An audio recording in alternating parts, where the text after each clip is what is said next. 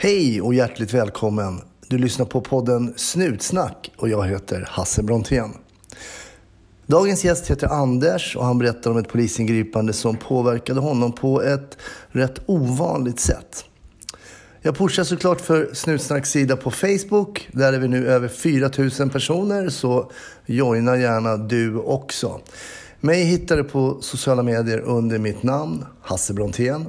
Där dyker upp lite grejer kring snutsnack men även lite annat kring min stand-up. Så det blir lite trams. Högt och lågt. Och den här veckan så passar jag faktiskt på att pusha lite för Melodifestivalen som drar igång på lördag. Det har ingenting med polisarbete att göra men när jag skriver manus till årets upplaga så ehm, skriv och klaga om det är något som inte passar. Ett utmanande arbete på ett annat sätt. Nu, var du än står, sitter eller ligger, var försiktig där ute och ha en riktigt trevlig lyssning. 1310 570 kom.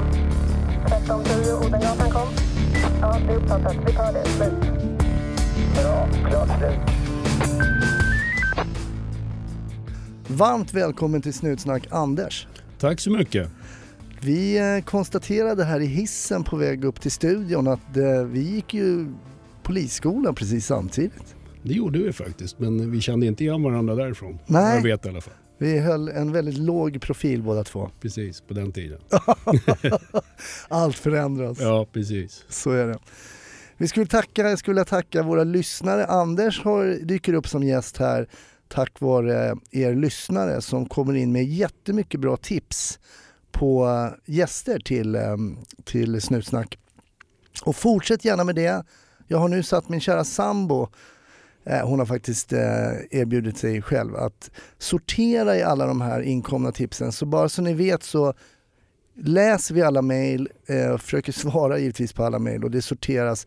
Sen kanske inte eran önskade gäst alltid kommer i den ordningen som eh, ni vill, men vi jobbar på det. Så stort tack till er alla lyssnare där.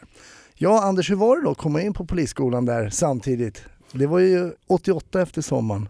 Ja, precis. Nej, men det var väl något som jag ville. Mm. Eh, har ju anledningen till att jag blev polis är att jag har en tio år äldre bror som blev polis när jag var tio år och det var väl min idol så att säga. Okej, Ja. det, ja. Ja, det, det kan man förstå. Så Ja. du var tio år. Var, var började han jobba som polis någonstans då? Han, jobbade, han började i Farsta, Ja, där vi bodde då också. Så, och jag är uppvuxen i Farsta. Så. man hör ju att du är 08. Ja, det är skönt. det är väl meningen det.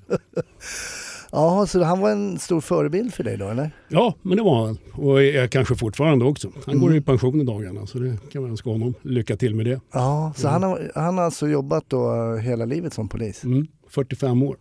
Ja, Mm, det är några år. Men det är ju så att det är ju några år även om man började augusti 88. Ja, precis. Jo, han, ju, var ju uppe och hämtade klocka efter 30 år i höstas. Ja, Fick du en guldklocka då eller? fick jag en guldklocka. Det, det trodde man inte 88 tror jag. Va? Nej. Vad är det på den här klockan då? Är det någon gravyr på baksidan då eller? Ja, för nit och redlighet va. Ja, för Ja. nit och redlighet. Men i ärlighetens namn så ska, har jag faktiskt gett bort den redan. Jaså? Ja, jag hade förmånen att bli morfar så tänkte att han kan få den. Ja. Om han sköter sig. ja. Mm. Men eh, barnbarnet eller sonen? Nej, barnbarnet. Ja, det, ja, ja. ja. Barnet har redan misslyckats. Nej, jag skojar. Så farligt är det inte. Vad hade du för planer på ditt polisiära liv då? Hur mycket visste du om det? Jag menar, din storebror jobbade som polis och hade du det som plan redan då som tioåring att jag skulle gärna vilja som storebror börja jobba som polis? Ja, jag är nog ganska övertygad om det faktiskt. Eh, och jag bodde med honom ett tag också för eh, ja, blev lite strul. Morsan dog. Eh, ja, lite annat. Behöver inte gå in på men så här, från 15-16 års ålder bodde jag tillsammans med honom och hans sambo. Och sen var ju rätt nära med, med honom och hans unga polispolare då. Så, det, så är det nog. Men hur var du som tonåring då, bo hos brorsan som var polis? Ja, det var väl sådär. Var det så? Ja, ja men det var bra. Alltså, han var ju, men man hade ju sitt bus när man var 15, 16, 17 och Mm. skulle på första gården och låg 20 meter från polisstation och kanske inte alltid ja, det var som det var. Hade det kunnat gå gått åt ett annat håll? Menar, var det så pass eller? Nej, inte så pass, men eh, inte... Nej, det har nog funnits, alltid hållit sig... När det blir riktigt busigt så har man hållit sig på rätt sida. Mm. För jag tänker Mm. ibland att Ibland kan det ju vara tillfälligheter som gör att man inte kan börja jobba som polis. Att man är på fel plats vid fel tillfälle vid något bus som man trodde inte skulle bli så allvarligt och så vidare. Och så vidare. Så, men, Ja, men visst är det så. mm. Det är ju jättenära. Och, eh, men jag tror alltid man har gjort ett val där när det har blivit lite... När någon bil skulle sno så hoppar man över det. Då, Ja, gjorde, då gjorde man något annat istället. Såg du framför dig hur din bror hade tagit dig i nacken? Och, Lite så. Större och starkare och den fortfarande. men var han lite som din farsa då när Ja, du men- bodde hos honom och sådär? Ja men det tycker jag nog. Och, ja men det var han. Mm. Ja, och han höll efter mig. Det är lite roligt, han har berättat för mig även sen när jag blev polis. Så då var han en farsa för mig fortfarande för jag jobbade natt och han, han jobbade också. Då höll han sig alltid i bakvattnet med, med sin radiobil. Han, då var han orolig för lillebror. Men ja, så är det väl. Men vad tyckte han om att du skulle börja jobba som polis också då? Ja, man tyckte nog det var helt okej faktiskt. Ja. Ja, li, lite roligt sådär. Har du Så. frågat honom mycket? Nej, det har jag nog inte gjort. Ja. Men jag kan nog känna att det har gått lite i hans fotspår hela tiden. Liksom med radiobil, eh, gatulangningsgrupper och, och så span senare. Så, Mm. ja, utan att jag kanske vet om det, men så har det blivit. Just det. Sen är vi väldigt olika, men det... Ja. Ja.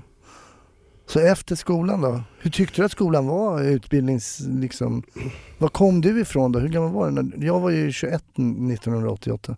ja, men jag kom fram till att jag var 24. Jag hade ju sökt någon gång där när jag var 19, 20, men eh, ja, jag hade ju en förhoppning. Jag visste ju att jag skulle bli polis. Jag började med att jag sökte, nu är jag smart tänkte jag, så jag nu söker jag tvåårig social och skaffar mig riktigt bra betyg. Men det var alldeles för kul att gå i gymnasiet så betygen blev sådär, slutade på 2 2,6 eller någonting. och, eh, ja, så kan det vara. Så du fick du plugga i kapp vissa grejer eller? Nej, jag tror att jag, och det är så här efterhand känns det ju skönt. Så, eh, direkt efter lumpen som jag gjorde när jag muckade när jag var, jag var 18 till och med. Oj! Precis innan jag skulle fylla 19. Ja, jag hade faktiskt fått hjälp där. Om På den tiden kunde man få någon förtidsgenom polisen. Mhm. Så redan där någon gång sista året på gymnasiet skrev till polisen jag vill bli polis. Då så- såg de till att man fick göra lumpen ganska omgående. Jaha, har aldrig talas om. Nej, men det, så var det faktiskt. Eh, jag var inne på, jo, så sökte jag och kom inte in. Och då började jag jobba som väktare. Då. Mhm. Jobba på mycket på Åhléns Söder. Väldigt trevligt faktiskt. Var man ABAB-vakt på den tiden? Ja, larmassistans hette det. Och okej. Mörkbruna byxor med revärer. Och, ja, men det var roligt eh, faktiskt. Mycket folk som jobbade där på varuhuset i samma ålder. Då. Mm. 19-20 år så sprang man runt. Så det var helt okej. Men sen var jag tobakshandlare faktiskt ett par år. Jaha, Ja, hur kom det sig? ja jag vet inte. jo, men det var bekanta till också. Då, då var det brorsans, brorsans fru var det då. Som hade bekanta som skulle sälja en tobaksaffär. Och jag oh, hamnade med på ett bananskal helt enkelt. Okej. Så hon och jag delade på det där. Och brorsan stod någon gång på fridagar och sådär. Ja, men det var en rolig tid. Eh, Men sen kom du in på skolan då? sen kom jag in på skolan. Jag sökte väl. Så du Nej, jag- släppte inte det då Nej. fast du hade Nej, tobaksaffär? jag skulle nog bli polis. Eh, Ja. Ja, och sen om jag skulle vara för hela livet eller inte. Men det fanns i bakhuvudet hela tiden. Och tobak, tobaksaffär, du är 22 bast. Ja. Ja, det är trevligt och sådär men personalfesten är sådär. Det är som mina firmafester. Ja, ja, det kan inte vara så roligt. Men sen kom du in då, vad, hur hade du det på plugget där då, i Sörentorp? Ja, men det, det var en kul tid. Väl, Mm. Väldigt roligt. Folk i ja, runt ens egen ålder. Både, ja, de flesta lite yngre då, men ändå Mm. många runt där 24-25. Någon som var jättegammal och var 35 också. Jag kommer Ja. ihåg att vi gick omkring mycket i de där overallerna. Mm. Det är ganska tunna trafikpolisoveraller man hade olika övningar och så Mm. hade man det vita kopplet. Ja, precis. Ja, det, Ibland hade man manschetter också när man skulle dirigera trafik. Mm.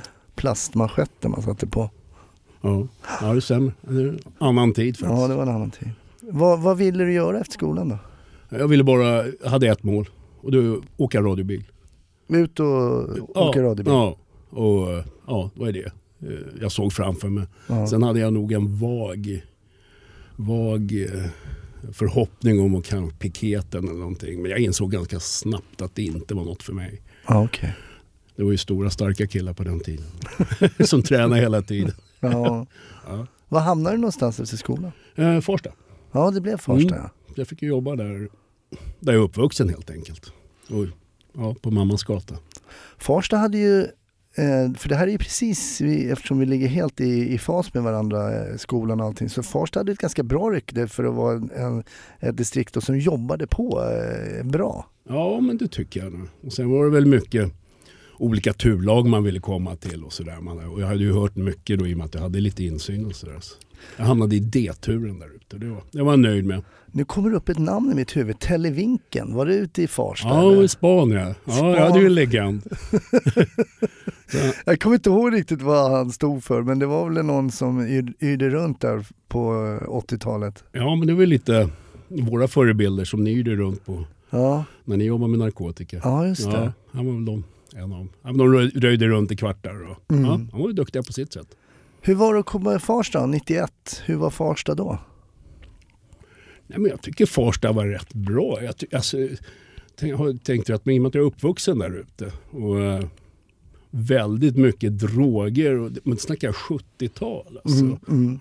Eh, heroin flödade ju eh, eh, ute i Farsta. Det gjorde Och det? ja, men det är generationen åter då till min brorsa som är tio år äldre än mig. Men där var det ju många som gick bort sig just på heroin. Alltså. Ja. Och själv vet jag att det gick inte att gå ner till centrum när man var 14-15 utan att bli erbjuden att köpa hasch. ja, det var så? Ja, så det tyckte jag nog. Det var absolut inte värre då när jag började. När var jag klar? Nitt- 91 där. Nej, just det. Mm. För Farsta, för er som inte bor i Stockholmsområdet då, så är det en, en, eh, en förort söder om Stockholm. Ja, kanske bara 10 minuter från, eh, från Skanstull egentligen. Om man nämner eh, tullarna. Det har väl varit ganska eh, lugnt sådär men har väl blivit eh, kanske lite stökigare med åren. Eller? Ja, det känns som det nu har man haft. Fått lite gäng och sådär. Mm. Som inte fanns när, när jag jobbade där. Men sen var det väl så att Farsta polisen lades väl ner? Farsta polisen slås, loss ner. Det var ju mycket där i början. Det var Farsta polisen, framtidspolisen och sen kom ju närpolisreformen. Mm. Det hände, hände mycket. Och det var i den vevan. Och då flyttade ju... Och det blev närpolisstation till slut. va? Just det. Ja, blev det. Och Mm. då fanns det Högdalen, Farsta, ja, på den vägen. Och sen så här huvudstation i Västberga. Hur länge åkte du radiobil? Fem år ungefär. Fem, sex år. Sen eh, hade jag en gammal kollega som blev headhuntad. Brukar jag lite fint säga. Mm. Han ringde. De saknade Gatulangningsgruppen Högdalen jobbade han då. Ja, Några snubbar. Och jag var egentligen inte klar med radiobilar men jag tänkte det. Äh, vi hoppar på det. mm. Så då hamnade jag på en gatulangningsgrupp i Högdalen. Och gatulangningsgrupp, det är, det är ju rätt talande namnet på den gruppen. Men ni jobbade helt enkelt med, mot gatulangning? Ja, det gjorde vi.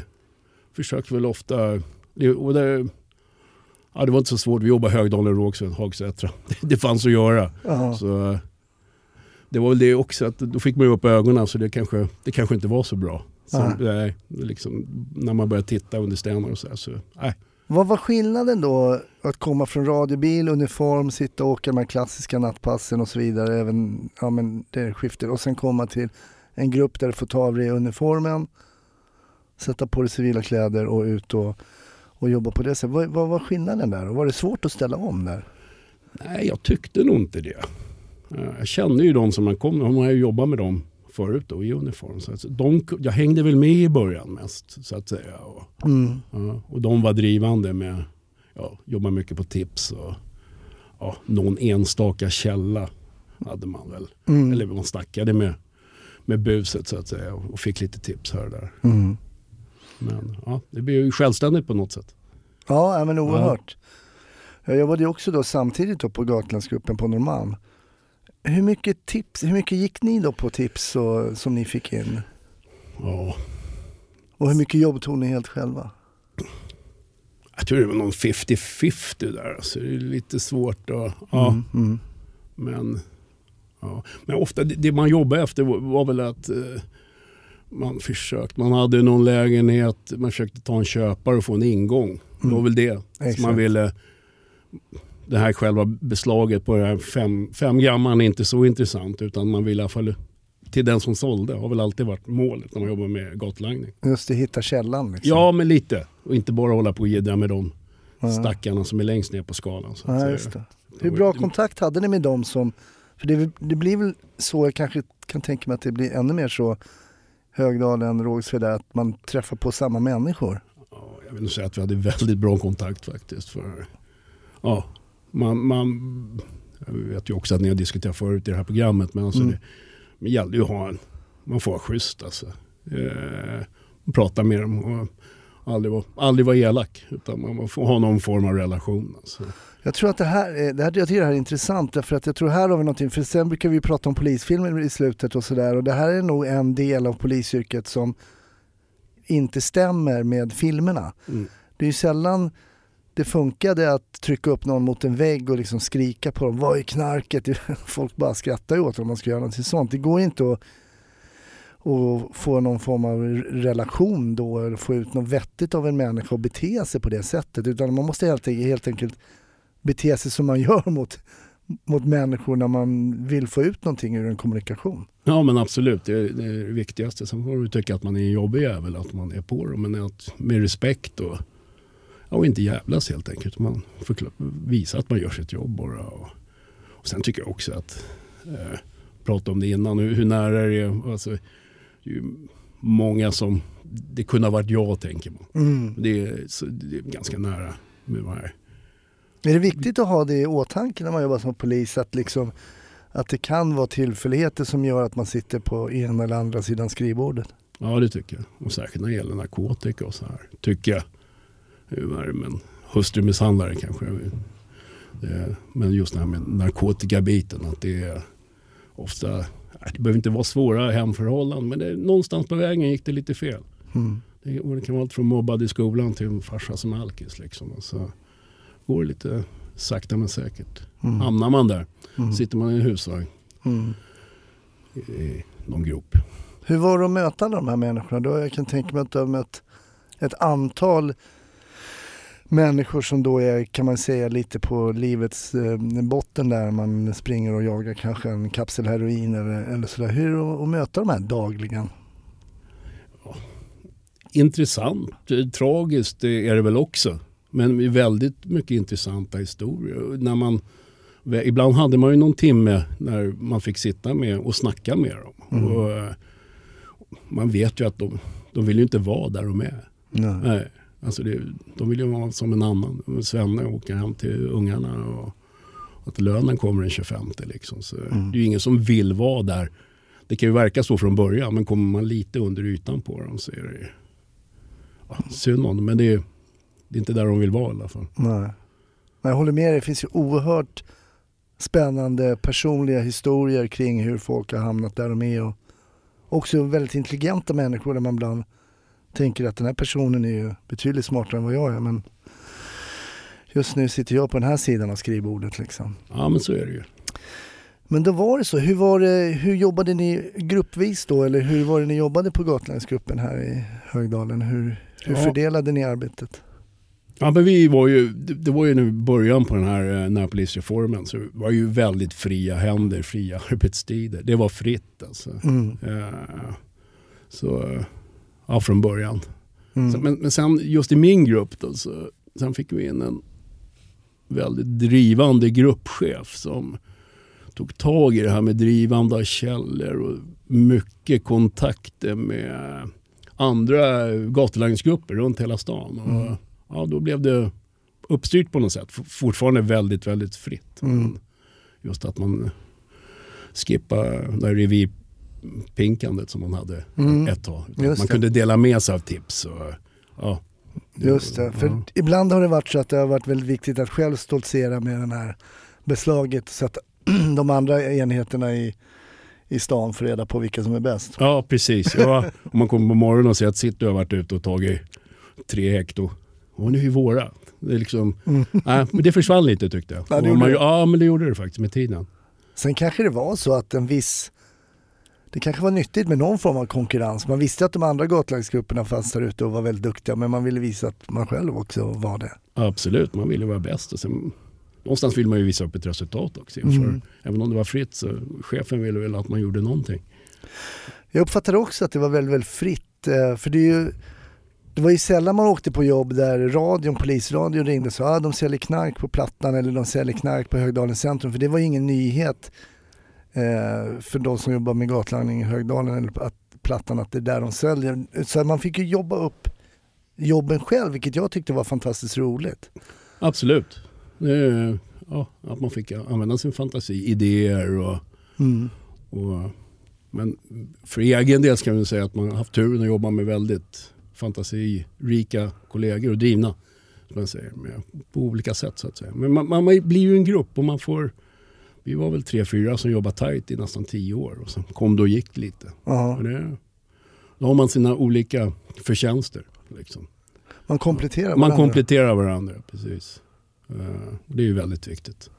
Så friheten var en, var en viktig grej där tyckte du? Att just ha den här uh, yrkesmässiga friheten att kunna styra tider och... Ja, men det tycker jag. För att få gruppen att fungera. Och, ja, vi visste ju bäst när vi... Jag vet att de ville att vi skulle jobba mycket mer helger. Alltså, men vi gjorde våra bästa beslag på måndagar, tisdagar. Liksom. Mm. Jag menar, när vi jobbar mycket med amfetamin, de, de struntar ju fullständigt om det är helg. Ja, ja, det, Ja. Jobbar du på krogkommissionen kanske det är bra att jobba fredag, lördag. Men, just det. ja, så, men det var ju vi som visste. Hur var det med rent geografiskt då? Jag tänkte om ni hade ett uppslag och sen så kanske man sätter sig i en bil och åker utanför ert distrikt till exempel. Vad gjorde ni då i sådana fall?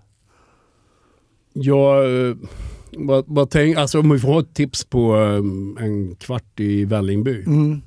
Och så lämnar de Vällingby i en bil och ni tror att det kanske har skett någon form av, av eh, köp eller någonting. Kunde ni följa efter den där bilen bo- ut från ert distrikt och stoppa dem? Absolut, ja men det kunde man ju göra. Mm. Ja, Så det kunde bli att man Ja. åkte någon helt annanstans? absolut. Men sen kunde man ju inte åka, man hade inte så många bilar, oftast en. Nej, ju- precis. Följa igenom. Men det har gått det också. Mm.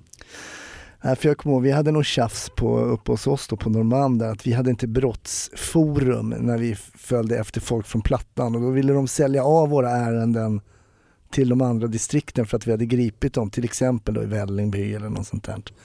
Men vi menade på att det var vårt ärende eftersom vi hade initierat det inne i stan. Ja.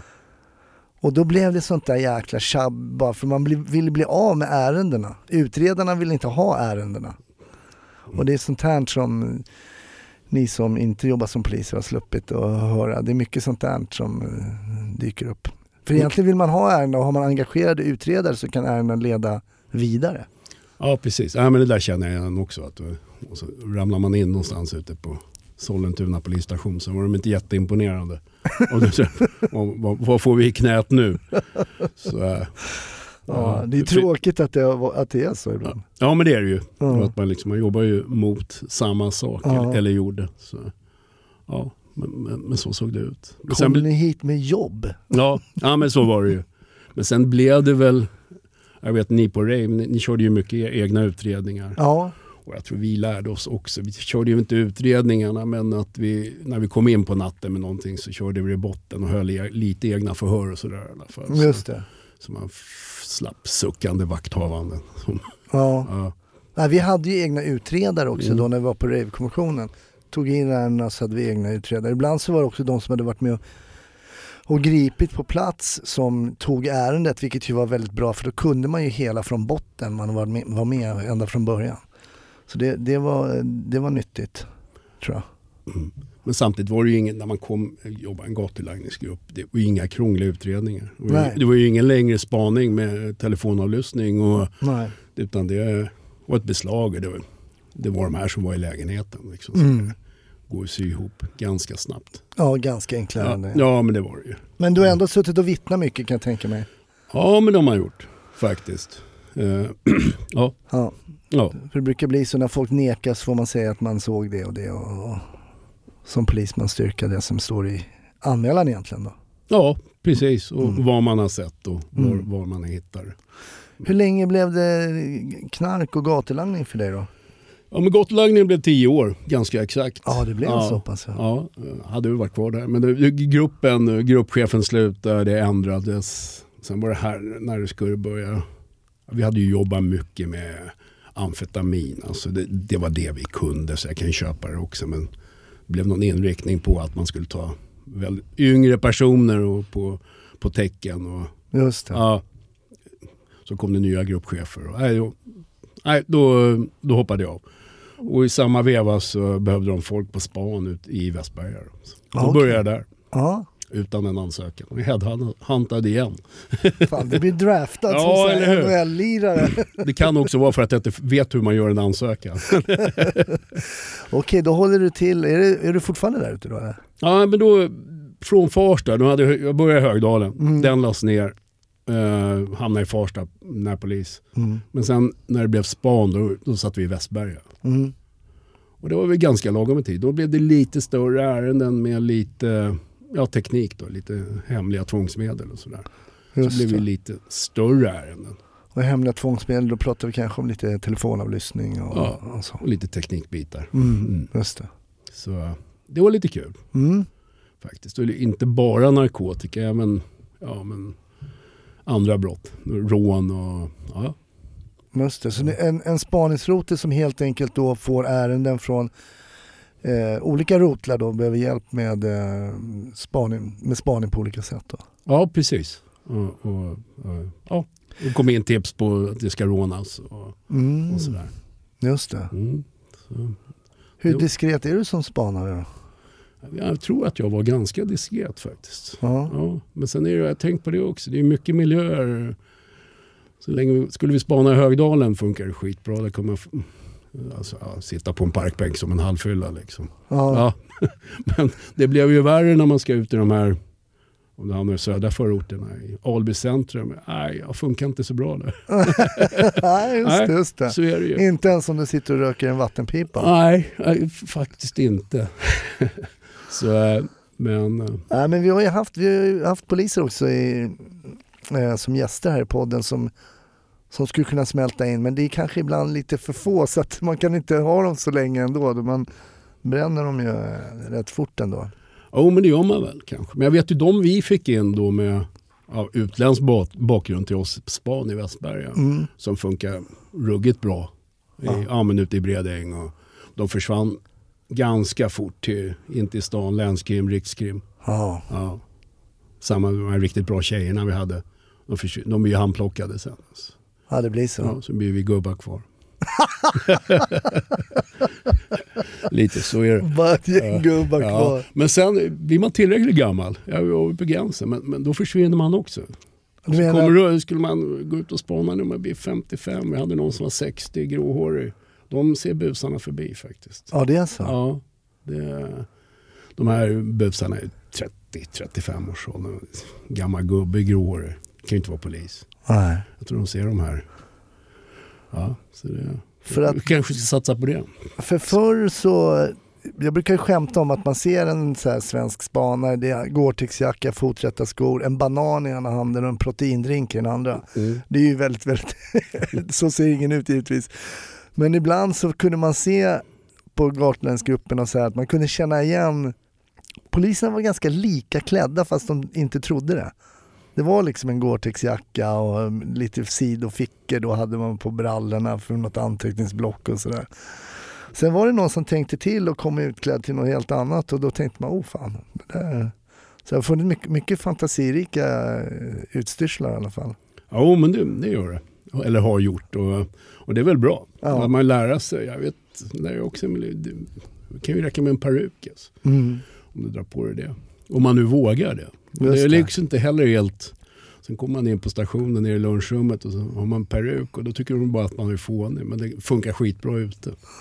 Ja, Så- ja, för tusan. Det kan jag absolut tänka Mm. mig. Ja, peruk har jag aldrig kört. Nej, Ja, inte jag heller. Nej. Men jag har haft tjejerna där också då. Alltså, som vågar liksom och, Mm. och gå all in. Då, då, det är nog det man måste göra kanske. När vi var på Raven en gång så var vi nere på Docklands som för er som inte känner igen det namnet så var det en illegal raveklubb kan man säga som var nere vid Sickla. Och då gick eh, personalen som jobbade på det här stället, med, de hade liksom plakat där det stod snutjävel eller någonting och sen så med en pil till den då. Så någon, ofta så gick de med de där plakaten bredvid folk som inte var poliser. och det var ju lite lustigt när man var där inne som polis och de gick mot någon annan sådär. Så ibland så är det svårt att upptäcka vem som är polis och inte polis. Ja men så är det. Jo, det är, nog svårare än man tror också. Ja. Ja. Och att de, jag menar, de plockar nog ut, alltså hoppar på många som är vanliga svennar så att säga. Mm. Som, de, som de tror är polis. För de, de tar alla. Just det. Och någon gång har de tur och tar polisen också. Ja. Vi pratade lite innan här och då berättade du lite kort om den här historien som du skulle berätta som också är narkotikarelaterad. Eh, berätta Anders, vad var det som hände? Ja den historien ja. ja den är ju sedd från helt andra sidan. Och du och jag pratade om ja, dåliga ingripanden. Och att man även, vill också påpeka att man själv har gjort dåliga ingripanden. Det tror jag de flesta poliser, poliser har gjort. Men det här kommer ju mer ur ett pappaperspektiv. Mm. Och, eh, och att jag jobbar med narkotika. Liksom, och hur, hur det kan se ut från andra sidan så att säga. Och det är Mm. rätt bra att reflektera på det också. Vad var det? Hur kommer det sig att du fick reflektera från den andra sidan? Ja, eh, jag har ju en son. Jag har en dotter. Men det här gäller min son. Då. Han var 20 år vid det här laget. Och jag hade väl jobbat som ja, polis länge. Det här är väl 2011 eller någonting. Jag hade ju jobbat ja, i 20 år. Då är min son som är, han är 20 år, vältränad, hantverkare. Och han är på, på stan en kväll tillsammans med två tjejkompisar. Det är mitt i veckan tror jag. Han borde egentligen inte ha varit där, men det är en annan femma. Mm. Han är ute och festar. Ganska påstruken helt enkelt. Eh, vid halv tre-tiden på, på natten så... Ja, jag vill säga också, det är inte bara hans historia, för jag har ju tagit ut... Det kommer ju sluta med att det blir en utredning om det här. Den, den har jag plockat ut från myndigheten, för jag var lite små, småarg. Men i alla fall, halv tre-tiden, Fleminggatan tror jag det är, ganska nära polishuset. Mm. Så då väntar vi, som jag har fått berätta för mig och läst, att eh, han ska få mm, ta en taxi och åka hem. Påstruken, full är han och det medger han. Och det får man vara. Man får vara full en onsdag faktiskt. Eh, så bromsar in en, en eh, civilbuss eh, till det här sällskapet. Eh, och utkliver tre, fyra, fem kanske. Han, minnesbilden, jag kommer inte ihåg heller exakt hur många det var. Men det civila som visade sig vara poliser. Då. Och konfronterar väl eh, min son då. Och, ja, och börjar snacka med honom. Liksom. och min känsla så här efter, då, då, det de ser det är ju en, hantverkare, kolatorsk. Han ska med. Han är ju full. Han Mm. ser säkert påverkad ut. Men det, det kan man göra. Det gör jag också om jag får några öl i mig. Det blir rödsprängande ögon och sådär. Mm. Så de tar in honom i bussen. Och som han har berättat så de är inte trevliga de här konstaplarna. Det eh, och han säger, ja, men, jag har inte tagit någon narkotika. Liksom. Det jag är full. Mm. Ja. Ja, sen säger, råkar han säga att pappa är polis också. Ja, ja, då är väl han stolt. Och, ja, men det är nog ingen fara säger Dennis. Liksom, för han vet ju hur jag är. Mm. Ja, så hade han blivit inlagd för fylla där så hade jag, ja men det får man ta. Det, det händer, det kan hända den bästa. Mm. Men eh, ja, in på stationen, de är ju dryga de här poliserna. Det är en grupp som, ja, som har jobbat både som dig och mig i princip.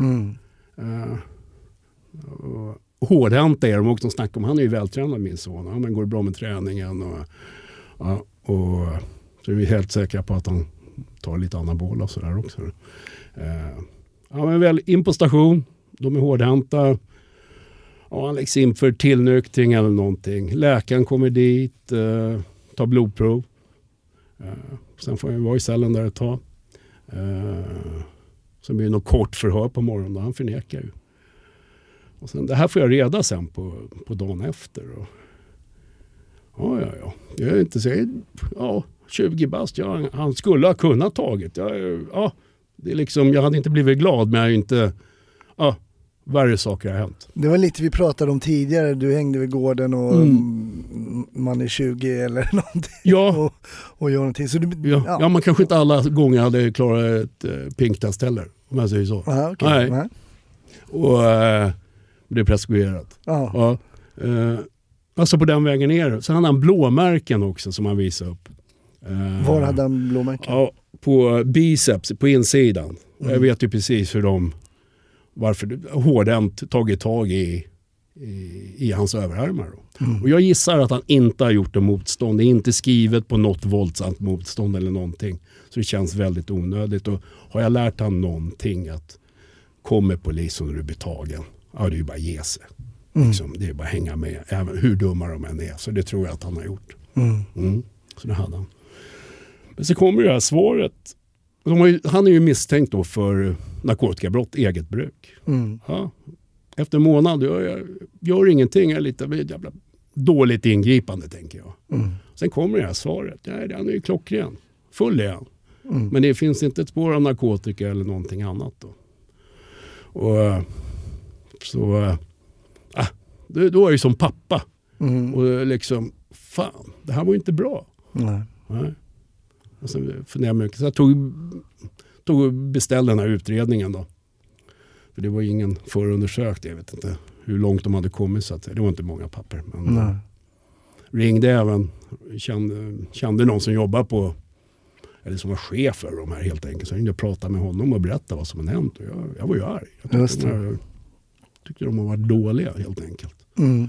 Eh, så jag tänkte, här ska jag gå vidare med. Men det är så, Anders du kommer ingenstans, de har inte gjort något fel. Liksom.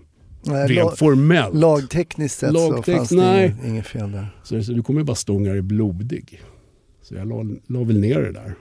eh, Helt enkelt. Men, Men då var det då frustrationen här som farsa när em, en son blir utsatt för ett eh, taskigt ingripande helt enkelt. ja. Eh, Och liksom lite oskyldigt anklagat. Att man använder det här säkra tecken. Eller, Mm. liksom. Mm.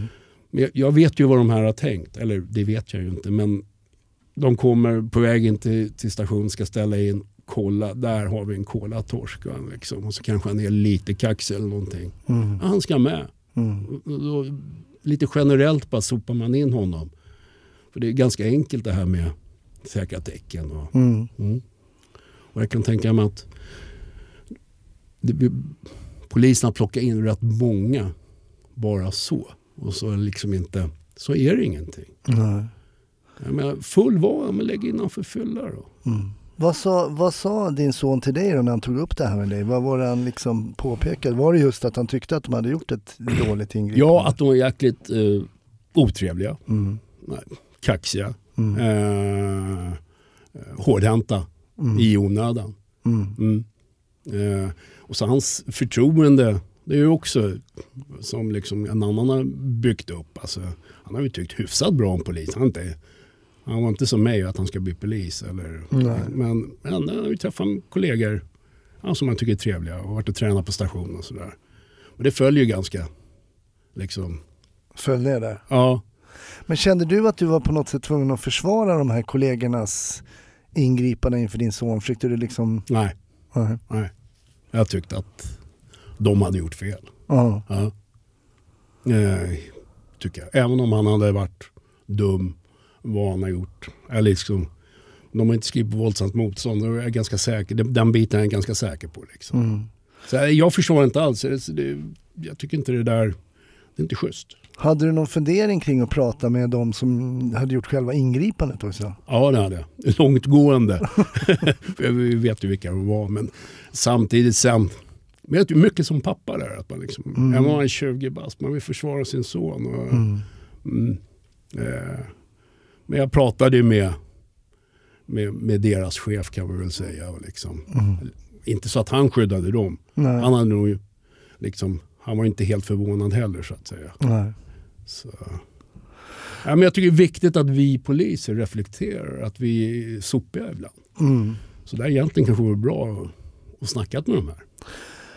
Dels det eh, håller jag med om och dels kanske det faktum att då man då eh, griper, omhändertar och, och, och sådär också är, inte din son men någon annans son då. Ja, självklart. som, får, som då kommer hem och säger till sina föräldrar att jag råkade ut för det här ingripandet och, och det var inte bra. och Sådär. Nej, jag har också gjort dåliga ingripanden. Och, men jag tänker på det här också med att han då inte eh, hade någon narkotika i- eller någonting annat i, i blodet.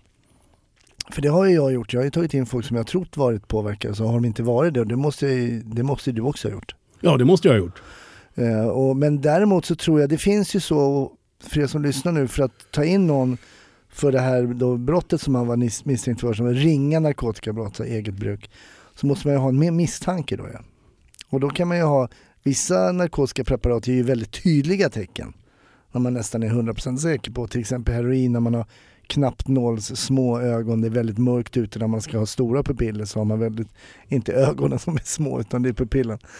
Eh, då vet man ju ganska säkert att det kan vara. Men ibland kan det ju vara väldigt... Eh, och då är frågan, vad är skälig misstanke? Är det 50-50, 60-40, 70-30?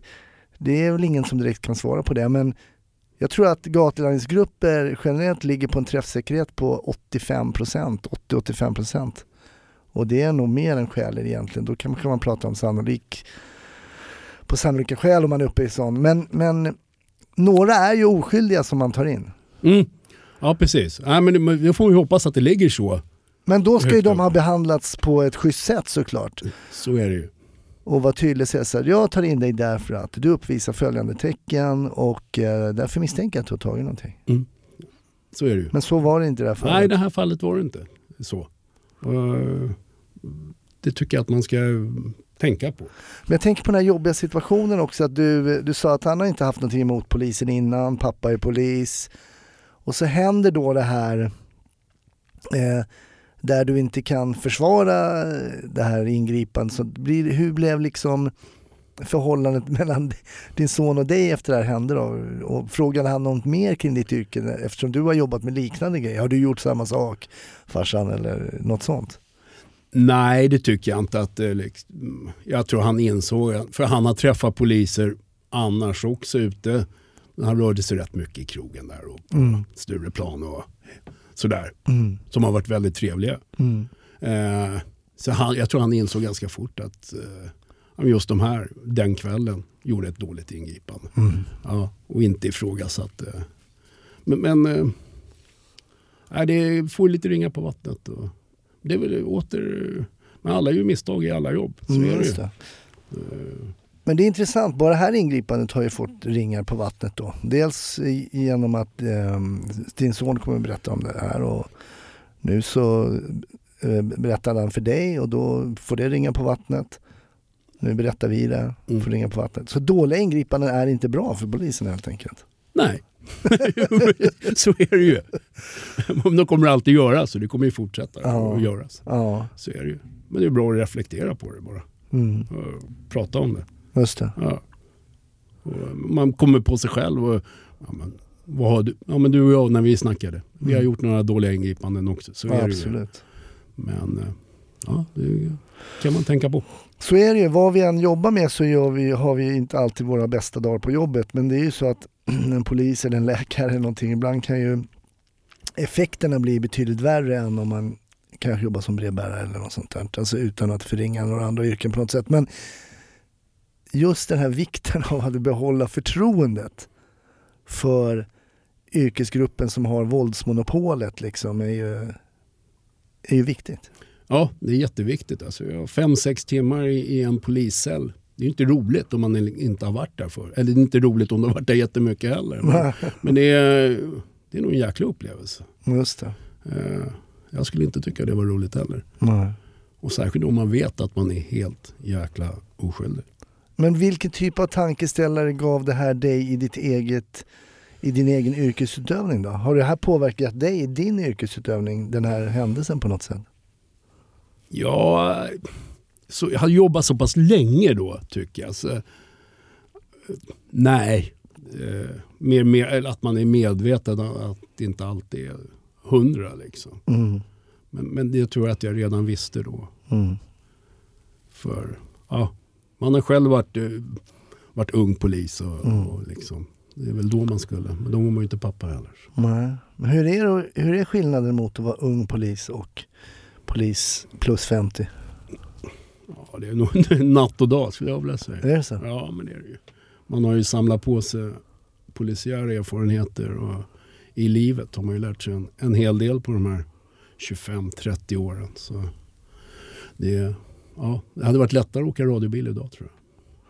Vad, När vad är det för skillnad på Anders idag då när du kom ut och började sätta en radiobil i Farsta när du precis var nyutexaminerad? Ja, men då visste man nog bäst. Och, ja, man var polis ute i, man, är i fingerspetsen. I, idag kan man nog se mer människan hos folk och att man inte är ofelbar själv så att säga. Och att, eh, ja, det är ju erfarenhet bara helt enkelt. Mm. Och när de inte, livserfarenheten är, är den viktigaste då. Till och med viktigare än den polisiära erfarenheten. Skulle du säga att du har blivit en lugnare polis? Ja, det har man ju blivit. Nu har jag nog ganska, varit ganska lugn hela tiden så på det sättet. Mm. Så. Men visst, visst har man blivit det. Och, ja, men man åker på ett lägenhetsbråk när man är 25 år. Liksom. Man har inte bråkat med en tant i hela sitt liv. Liksom. Det, det är lättare nu att, att, att prata med dem. Så här, Ni kan inte hålla på så här, det funkar inte. Du förstår vad jag menar? Jag förstår precis. Jo men det är klart, livet ger, er- ger en ju år efter år nya insikter och man tänker väl inte på att man kanske får någon form av visdom av livet i sig men så är det nog. Ja, ja men det är väl, då skulle man ju väl, det har ju varit mycket snack om det, men just det här att mycket unga poliser idag får jobba med unga poliser. Mm. Tänk vad bra det skulle vara om den här 23-åringen kommer ut och får jobba med en som är 40 bast och åkt radiobil i 15 år. Mm. Tänk vad den, om han är bra den här, som, men förhoppningsvis är han ju det. Mm. Då skulle det gå, det skulle Ja, vara det tryggt för alla. Ja det är sant. Men man lärde sig mycket av äldre poliser. Ja det gjorde Eh, man, man både var- bra och dåligt. Ja både bra och dåligt. Ja, men då, kunde man, då kunde man ju skippa det dåliga. Ja, ja men precis. Ja precis. Ja, det där var ju en historia ur en helt ny vinkel här i, i, i podden. Att liksom som förälder höra att ens barn har blivit utsatt för ett dåligt ingripande av kollegor. Ja, nej, men jag tyckte den var intressant. Jag snackade med grabben man tyckte att jag skulle ta upp det också. Och det tyckte han helt okej. Mm. Det är ju liksom, det är inga han skäms över. Nej, Han, är ju inte, han var ju bara full. Just det. Och det är inte, inte olagligt. Nej, faktiskt Nej. inte. Kommer du pensionera dig som konstapel? Det kommer ju bli så. Ja. Det blir så? Ja. Ja. Men ja. i dagsläget, vad gör du idag då? Idag är jag, jag växlar ner lite kan man eller helt ändra inriktning. För jag slutade ju bara när det blev omorganisationer och sådär. Min spangrupp, ja, vi slogs ihop med Flemingsberg. va. Mm. Vi skulle, ja. Strunt samma. Nej, nu är jag på Lokus. Och det innebär? Då innebär att man åker, när du får inbrott Hasse. Mm. Mm. Hoppas Vilket inte. gud förbjuder, precis. precis. Då kommer jag hem till dig. Och eh, letar lite spår. Aha. Ja. Penslar lite, tar lite skoavtryck. Har vi jättetur så hittar jag lite DNA. Mhm. Så åker tjuven dit. Så får du lite papper och så får du ett socialt samtal i en halvtimme. Men hur ofta hittar ni någonting då i, med i ärlighetens namn? I ärlighetens namn alldeles för sällan. Det är så? Ja. Ja. Jag tror inte, som Lokus, jag, jag tycker att vi fyller en ganska viktig... Folk är glada när vi kommer. Mm. Och det är ganska skönt. Det var länge sedan jag träffade... Man jobbar med folk som inte är så glada när vi kommer. Ja, just det. Nej, men man hjälper mycket med råd och dag. Många är ju väldigt upprörda och sådär. Så jag, jag, jag tycker... Ja, den sociala biten är viktig. Och där, nu för tiden är det bara oss de träffar. Radiobilarna åker ju inte på vanliga inbrott längre. Nej. Eh, vilket är... Ja, det gjorde man ju förr i tiden. Ja, jag åkte på varenda inbrott. Nu är det bara vi som kommer. Om det inte är väldigt speciellt, ja, väldigt gamla människor eller utsatta människor. Då kan de skicka en radiobil direkt. Då. Men du säger en grej som är rätt intressant och det glömmer man bort tror jag också. Att du säger att det blir som en, det blir socialt. Polisen har ju en väldigt social funktion eh, förutom då att man ska vara brottspreventiv och ingripa på bar gärning och så vidare så är det ju väldigt mycket socialt arbete och just det här mötet med polisen som har haft inbrott det måste ju vara eh, av vikt när man har haft inbrott att polisen kommer. Det är ju en förtroendegrej mot alltså rättsstaten. Man vill att den ska komma och hjälpa till. Man betalar ju skatt. Oh, ja men visst är det så. Och det, det är ju här vanliga människan får, får träffa en polis. De träffar ju aldrig en polis annars. Det är Mm. liksom det de betalar skatt för. Och, och det är ju också, jag tror att eh, Loka, de dåliga polisingripanden ger dålig PR. Här är vi några som ger bra PR. Och Mm. det sprider sig också. Ja, här kom de här och de var ganska trevliga. Mm. Eh, för det, vi är ju äldre poliser. Jag Mm. är väl, jag är väl till och med yngre på min grupp. Det är skönt att vara lite yngre igen. Så eh, den tror jag. Men det är frågan hur länge vi har råd med att ha oss där. För tittar på uppklarningsprocenten, det vi gör, det är inte jättemycket. Vi hittar lite DNA ibland. Ja. Något finger, men det, ja, det är inte ofta. Ja. jag Men ni får träff ibland också? Ja, det får vi. Mm. Och sen grips det, nu låter det som jag är ute hos någon, någon, någon kund där, på att säga. Men alltså, det grips en hel del på bar gärning. Det åker dit inbrottstjuvar. Alltså. Ja, det gör det. Ja, det gör det. Det. märks. Vår, våran, vårt inflöde det, det syns ju när det är ju ofta ligor. Det Mm. syns du och kan vi ha toppar hur mycket som helst att göra. Så grips det två ligor så Då är det tvärlugnt. Ja, till- till, tills de nästa kommer inflygande eller med båten eller vad de nu kommer med. Mm. Så det är ofta utländska ligor då som kommer? Ja, det är det. Väldigt ofta. Som är duktiga och specialiserade på Ja. inbrott? Det är det de gör. De är här och jobbar någon månad. Och samlar ihop lite guld och sådär. Mm. Guld och, ja. Så, så ser det ut. Våra Ja. stackars pundare har fått kon- konkurrens. Det är sällan de gör några bryt längre. De, Ja, det är så. Mm. Mm. Nej, det där vill man ju faktiskt att vi ska försöka sätta stopp för. mm. Ja, Nej, vi får runda av med lite mm, med någonting som inte har med verkligheten att göra och det är ju våra eh, filmer som vi kollar i förströelsens tecken. Kollar du på någon sån här polisfilmer? ja, det gör jag väl, men inte jättemycket. Ja. Jag, nu för tiden har jag blivit dokumentärnörd. Alltså. Ja, det är så. Ja, Ja. så, men, men det händer ju. Men kan du rekommendera någon bra dokumentär då?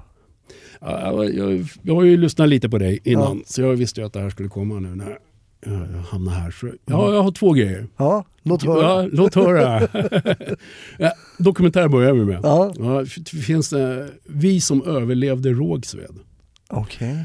Eh, är, har man filmat först ja, tidigt 70-tal tror jag. Mm. Ja, ja, folk födda, de som växte upp i Rågsved. Då kom vi till här, många hamnar på heroin, droger och ja, jag tror det är Tom Alan som kan ha gjort det. Just det, väldigt trevlig Tom Arla. Jag träffade Ja. förmånen att Ja, träffa honom. Ja.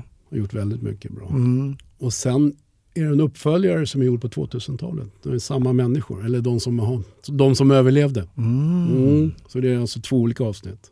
Ja, väldigt intressant. Och där hittar vi på, Youtube tror jag. det är så? Ja, Vi som överlevde Rågsved. vi som överlevde Rågsved. Och jag, för mig är det lite extra, jag känner igen många av de här. De som överlevde. Och det är dina gamla hoods också? Ja, men det är ju det. Där man är uppvuxen med ja, Mm. mm. Och så, här, så. Men jag tror, ja, mycket människoöden där. Just det. Ja. Ja, det, det är spännande med dokumentärer. Jag håller med om det. Mm. det är, är det också åldern eller? Ja, jag tror det. Nej, men så fick jag eh, också ett tips och sen koll, den sträckkollade jag. Det var ett tips av min grabb då. Han som jag pratade om förut. Men då, på Netflix ganska nytt. Och då var det Murder Mountain. Murder Mountain? Ja, ingenting du har sett? Nej, Ja, jag tycker du ska göra. bra. Ja. Ska jag berätta lite kort vad det handlar Ja, om? dra en synopsis Ja, ja, precis. Norra Kalifornien. Mm. bergsområden, skog, vackert som sjutton. Jag- Kalifornien för mig var bara Los Angeles och sandstränder. Mm. Ja. Eh, men här är ett skogs, skogsområde dit hippies, Vietnamveteraner flyttade ja, slu, ja, under ja, slutet 60-talet, 70-talet. Mm. Började odla marijuana och sen har det där bara, ja, det har ökat nu så har det blivit ja, mycket skumma individer som flyttar dit. Det har blivit laglöst helt enkelt. Okej. Och så, ja, lite hur poli- de inte får hjälp av polisen. Och, men det, de har ju väl stått utanför lagen. Men det nej, väldigt intressant. Sex avsnitt och sånt där. Murder Mountain och Vi som överlevde Rågsved. Tack för två helt nya tips till podden. Det uppskattas ju eh, absolut väldigt mycket. Jag bockar och bugar. Stort tack Anders för att du kom och gästade Snutsnack. Tack Hasse för kaffet. Tack. Tack.